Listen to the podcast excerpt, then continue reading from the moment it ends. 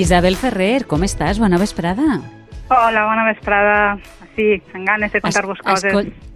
Doncs i nosaltres amb ganes d'escoltar, perquè mira, este mes de juny, que és el mes LGTBQ+, perquè mm, cada vegada això s'allarga, el dia 28 d'octubre se celebra el Dia de l'Orgull, i serà el tema d'avui, no?, a més. Sí, sí, sí, així és. El, el passat dia 26 d'abril va ser el dia de la visibilitat lèsbica, el 17 sí. de maig el Dia Internacional contra la LGTBI més fòbia i el 28 de juny és l'orgull i des de l'Ensona Molt ens sumem a aquestes celebracions barra reivindicacions perquè encara queda, queda molt de camí per fer. Oh, i tant que en queda. I com poden començar a vincular música i col·lectiu LGTBI? Doncs primerament torno a insistir en una idea que hem repetit sovint en, en la secció, en l'ensona molt, però que tornem sobre ella perquè és molt important. És la idea de que, que la música no és independent del seu context ni tampoc del, dels discursos no?, que construïm sobre ella.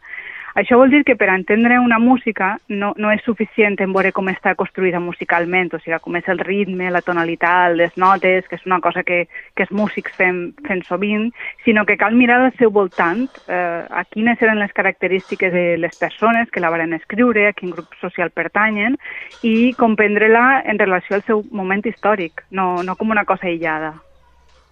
Uh -huh. eh, I això eh, suposa que en el cas que parlem cobra especial rellevància, clar.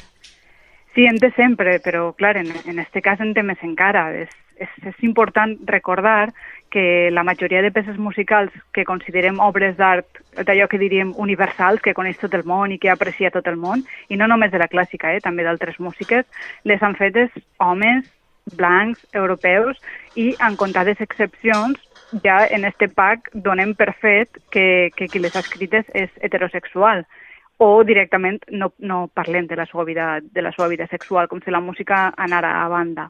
I, d'altra banda, quan parlem d'altres músiques, eh, que no donen per fet que estan escrites per, per este pack de característiques, ja són com músiques que estan com marcades, no? Ja diem que són músiques de dones, músiques de, de, de negres, com per exemple el, el jazz o el blues.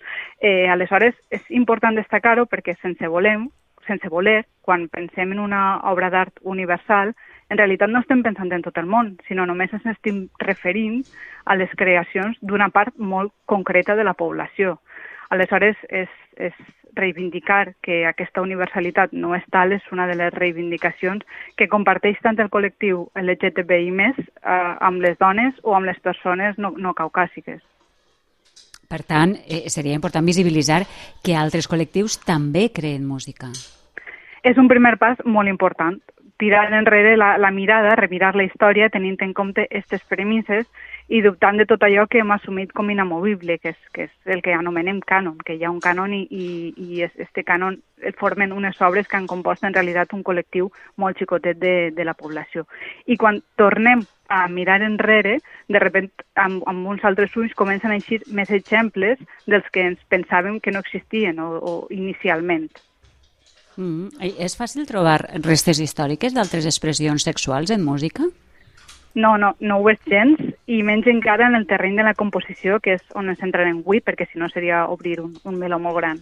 I, de fet, mm. la feina d'aquesta cerca ha, ha portat, aquesta recerca històrica, ha portat molt, moltíssimes polèmiques per diversos motius.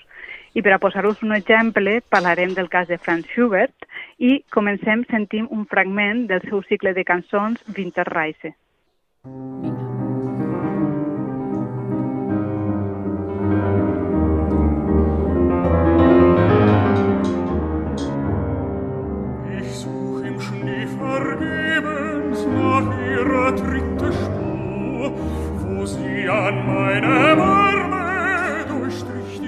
Doncs Schubert va ser un compositor mm. austríac que va viure només 31 anys a principi del segle XIX, va morir molt jove. La seva especialitat eren aquest tipus de cançons, els Lieder, és a dir, eren cançons per a veu i piano que en aquests 31 anys de vida ell va arribar a compondre més de 600, que en són moltes. Ell, com molts altres homes de la seva època que vivien en, en la ciutat de Viena, que on es va moure, era aficionat a les trobades privades que es feien en cases d'amics, on es tocava el piano, es bevia, s'enraonava, bé, com una trobada qualsevol d'amics. I eh, en aquell temps per les limitacions de gènere que tenien lloc en, en, en totes les esferes, en aquestes reunions solia haver més homes que dones. Que seria el que s'anomenen encara avui en dia Schubertiades, no? Sí, sí, exactament. Han, han continuat un poc la tradició, tot i que ara ja no són festivals privats, sinó que són públics. Aleshores, tot este mm. pack de Schubert, de trobades, eh, amb, amb més presència masculina, el fet de que durant molts anys eh, es va dir que s'havia mort de sífilis, eh, que no se li coneixen massa relacions amb dones, va fer pensar als investigadors amb la idea de que Schubert fora homosexual.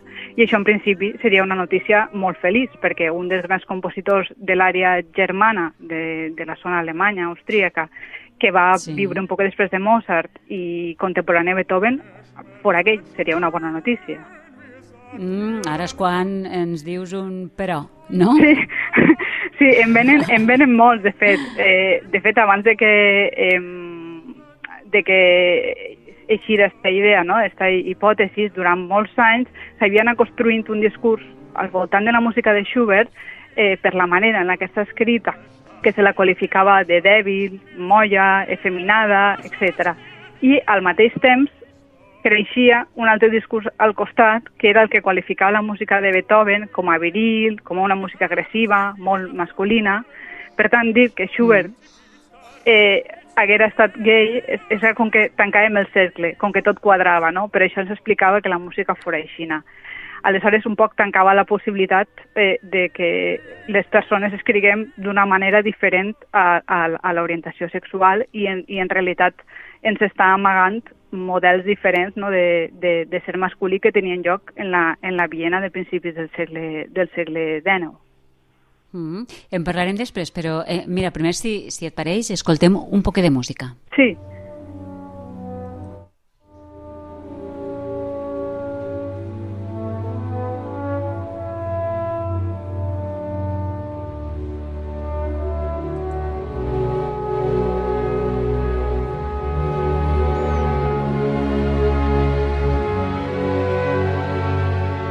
Isabel, és que jo arribaria fins a les 8 amb aquesta preciositat. Em fa cosa parlar damunt. Sí, sí, sí. Això és, és Tchaikovsky, és, és una melodia absolutament preciosa. És el segon moviment de la cinquena sinfonia, és molt conegut. I he posat Tchaikovsky perquè, tot i que encara hi ha debat, és un dels casos on es, on es dona més per feta la seva homosexualitat, però ah. a, a, el, el preu és a canvi d'explicar-lo tràgicament. De fet, eh, a mi me'l van explicar al conservatori com un home tormentat, depressiu, que es va suïcidar perquè no assumia la seva homosexualitat i que, a diferència d'altres grans compositors, feia música massa comercial, perquè hi ha com una espècie ah. de, de cosa que comercial no pot ser bo en realitat, eh, independentment de l'orientació de Tchaikovsky, hi ha molts altres compositors turmentats, si es vol dir així, i no, i no es destaca mm. d'ells ni, es, ni es posa en, en, en relació amb la, la música que fan. També és molt comuna aquesta associació que es fa entre comercial com una cosa negativa i autèntic mm. com una cosa positiva, i això ho associem inconscientment, perquè ens ho han ensenyat, a homes per una banda i dones per una altra. Caram. Mira, pensava, ahir, 8 de... En quin mes estem? Eh, Estem en juny. Juny, juny, d'acord, perdona, això del confinament, si jo vaig ara roïnt. Per... doncs ahir va ser l'aniversari, si no me'n recorde malament, del naixement de Robert Schumann i mirava una miqueta la seva biografia també i eh, resulta que ell també va patir molt, ho dic per allò que parlaves de turment, del turment, no? Sí, ell tenia sí, una sí. malaltia mental, però es veu que eh, no estava clar si era trastorn bipolar, si era també pel medicament que li donaven. No sé si recorde haver llegit també per a la sífilis, no ho sé, però és cert que hi va haver molts compositors que, que van patir, no? Eh, però m'ha interessat molt això que has dit, eh, la diferència entre homes i dones a l'hora de considerar una qüestió, eh, o la música, per exemple, eh, comercial o autèntica, com negativa i positiva. Sí, Ho podem sí, explicar sí, un poc, això? Sí, en, en, en música popular un exemple molt típic, que potser avui dia ja és un poc reduccionista, però quan pensem, per exemple, en rock, pensem en una música autèntica, original, en el sentit que no es deixa seduir per el mercat, viril, agressiva, i l'associem als homes. En canvi, a l'altra banda, tenim el pop, que en canvi el qualifiquem com a repetitiu, moll, comercial, i l'associem a les dones, als fenòmens fans, que la majoria de fans eh, són dones, I, mm. O, per exemple, quan volem destacar que una dona és valenta, diem que és rockera, no diem que és popera. Per això és també és, és, és important remarcar figures no, com la de Little Richard, que va faltar fa poc, que va ser negre i gay, mm. però és una de les icones del, del rock and roll. Mm. Uh -huh. eh, I escolta'm, ja veiem no, que, que la història de l'homosexualitat masculina va molt lligada a les dones.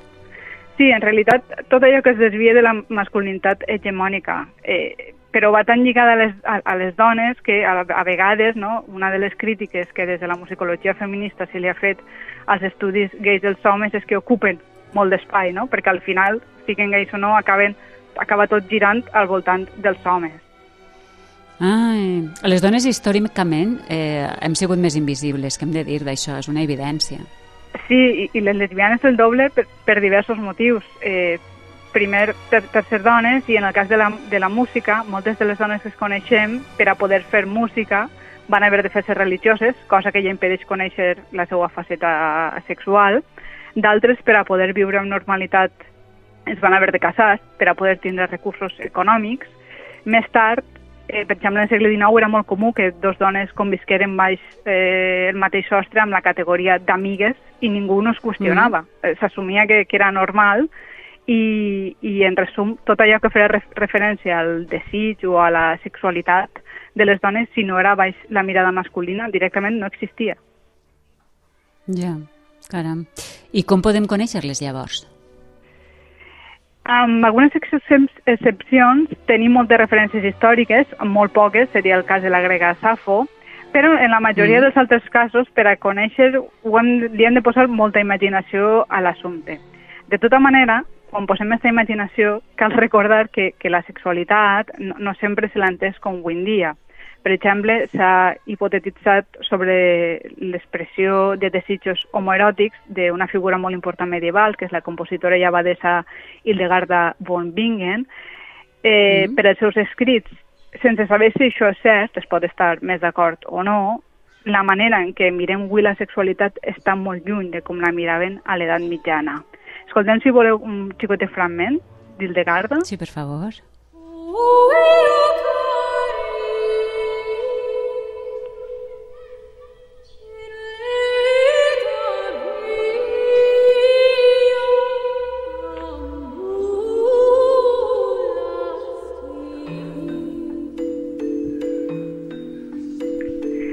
Bueno, el que consideren mm els, els experts és que la música d'Hildegarda molt, sona molt diferent no? a com sonaven els seus, mm els seus contemporanis eh, i també tenim, a més d'ella, mm, tenim més casos de, de, de música no? que representa la ginocràcia, un poc que seria aquesta societat eh, formada per, per dones, però, no, però solen ser excepcions o no sempre podem separar-les d'una representació diríem, eròtica, no?, de, que, que fan els homes de les relacions entre les, entre les dones o com fins i tot com una representació escènica per a preparar-les posteriorment per, al, per a un matrimoni per, a, per als homes.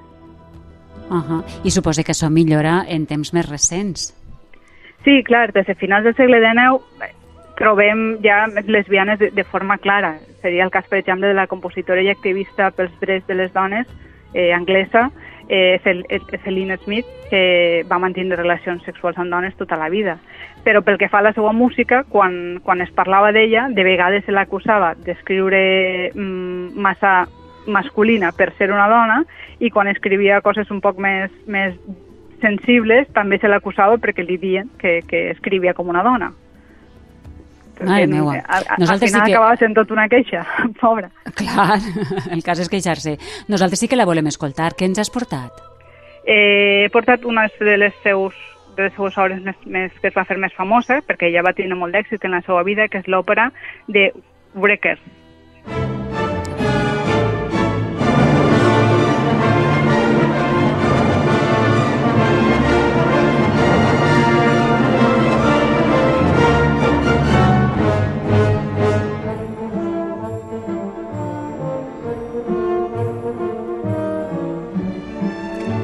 Isabel, mira, sentint això i, i pensant en el que has dit, m'ha vingut al cap una curiositat. A través de la música, tu diries que es pot distingir l'orientació personal de qui l'escriu o la interpreta? Ese és un dels grans debats que hi ha, si a través de la música podem notar una escriptura diferent. També passa amb, amb els llibres, per exemple, de, que, que escriuen dones. Eh, la meva opinió és que no hi ha una manera natural d'escriure diferent, o sigui que en principi no té per què notar-se. El que passa és que eh, les, persones que creen música, que fem música, no ens criem en una determinada societat i, i per tant, eh, amb uns determinats condicionants, i això de vegades, si, si es vol, es, es nota en l'escriptura de, del que fas, la teua experiència vital i quins són els teus anels. Per tant, a l'hora de, de reflexionar sobre, sobre este tema, eh, més que fixar-nos no, tant en, en quines són les, uh, les orientacions sexuals, ens hem de fixar en, en quins són els discursos que es construeixen al voltant o què és el que vol dir cada, cada persona, quines necessitats té. Jo crec que és important també que, que tots aquests personatges històrics isquen a la llum perquè hi hagi, hi hagi un model per, tot, per, per a tot el món. Avui no es dona temps, però en l'àmbit de la interpretació tenim molts casos històrics també de transexualitat o de vides diferents a la norma, d'orientacions sexuals diferents, i per tant el que sí que és molt positiu és que, és que es, tots aquests casos es coneguen per a que les properes generacions tinguin, tinguin referents. Doncs sí, i tant que sí, com sempre ho fem quan parlem també de ciència, per exemple, i en este mm. cas especialment que ens has portat així en este espai amb la música que hem gaudit tant durant tota la temporada. Isabel, ha estat un plaer, acabem avui esta temporada amb tu hem, hem après moltíssim, hem gaudit de coses meravelloses, eh, músiques curiosíssimes i associacions també eh, que ens han deixat eh, bocabadats i bocabadades i eh, bé, tot el que quede pendent esperem poder-ho reprendre no? després de l'estiu. Eh, una abraçada forta. I una abraçada i, i moltes gràcies també a vosaltres. Ha estat un plaer i pel servei que feu totes les vesprades. Perfecte. T'ho agraïm. Escolta'm, que queda pendent, queda pendent, eh, no et penses que ens hem despistat i com acabem ara, que queda pendent que vingues a tocar en directe. O sigui que sí, reprenem... Pensava que s'havia despistat, tant... però veig que no. No, no, no, no, no, no. Així, no et preocupis. Jo sóc molt despistada, però afortunadament tinc uns bons apuntadors i apuntadores que fan que, que allò important no se me'n vagi del cap. Moltíssimes gràcies, Isabel. Gràcies un beset fort, de veritat. Un beset adéu, a tots. Adéu. Gràcies. Adéu.